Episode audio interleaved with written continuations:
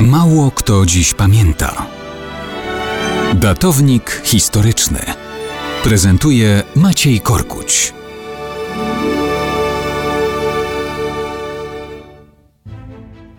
Musiałem to przeżyć, powiedział komunistyczny dyktator Wojciech Jaruzelski o wyborach 4 czerwca 1989 roku.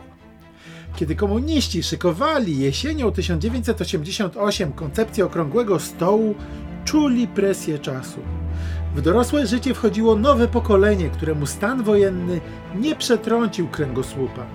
Sowieci, mając świadomość stanu Związku Sowieckiego, na tajnych spotkaniach mówili, że każda partia satelicka musi radzić sobie z własnym społeczeństwem samodzielnie.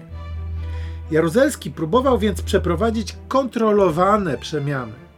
Pod pozorem dopuszczenia części opozycji do władzy, w rzeczywistości miały one pozwolić komunistom zachować pełną kontrolę nad gospodarką, polityką i społeczeństwem na długie jeszcze lata. Mimo tych planów w czasie okrągłego stołu musieli pójść na szereg ustępstw. Największym z nich była zgoda na w pełni wolne wybory do Senatu. Ale za to w Sejmie uzyskali gwarancję 65% mandatów, niezależnie od tego, jak będą głosować Polacy. To nie była wolna elekcja, ale kiedy patrzymy na 4 czerwca 89 jak na plebiscyt, mamy wielkie zwycięstwo. Polacy po raz pierwszy od czasów II Rzeczypospolitej mogli wskazać, komu ufają w polityce i gremialnie wskazali na Solidarność.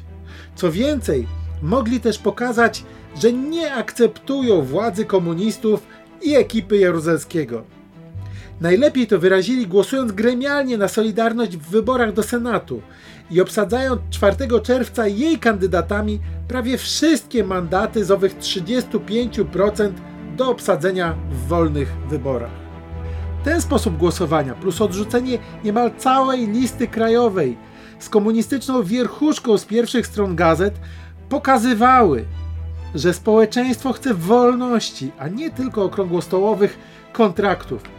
I dlatego to był plebiscyt, który gwałtownie przyspieszył bieg historii. Musiałem to przeżyć, powiedział Jaruzelski.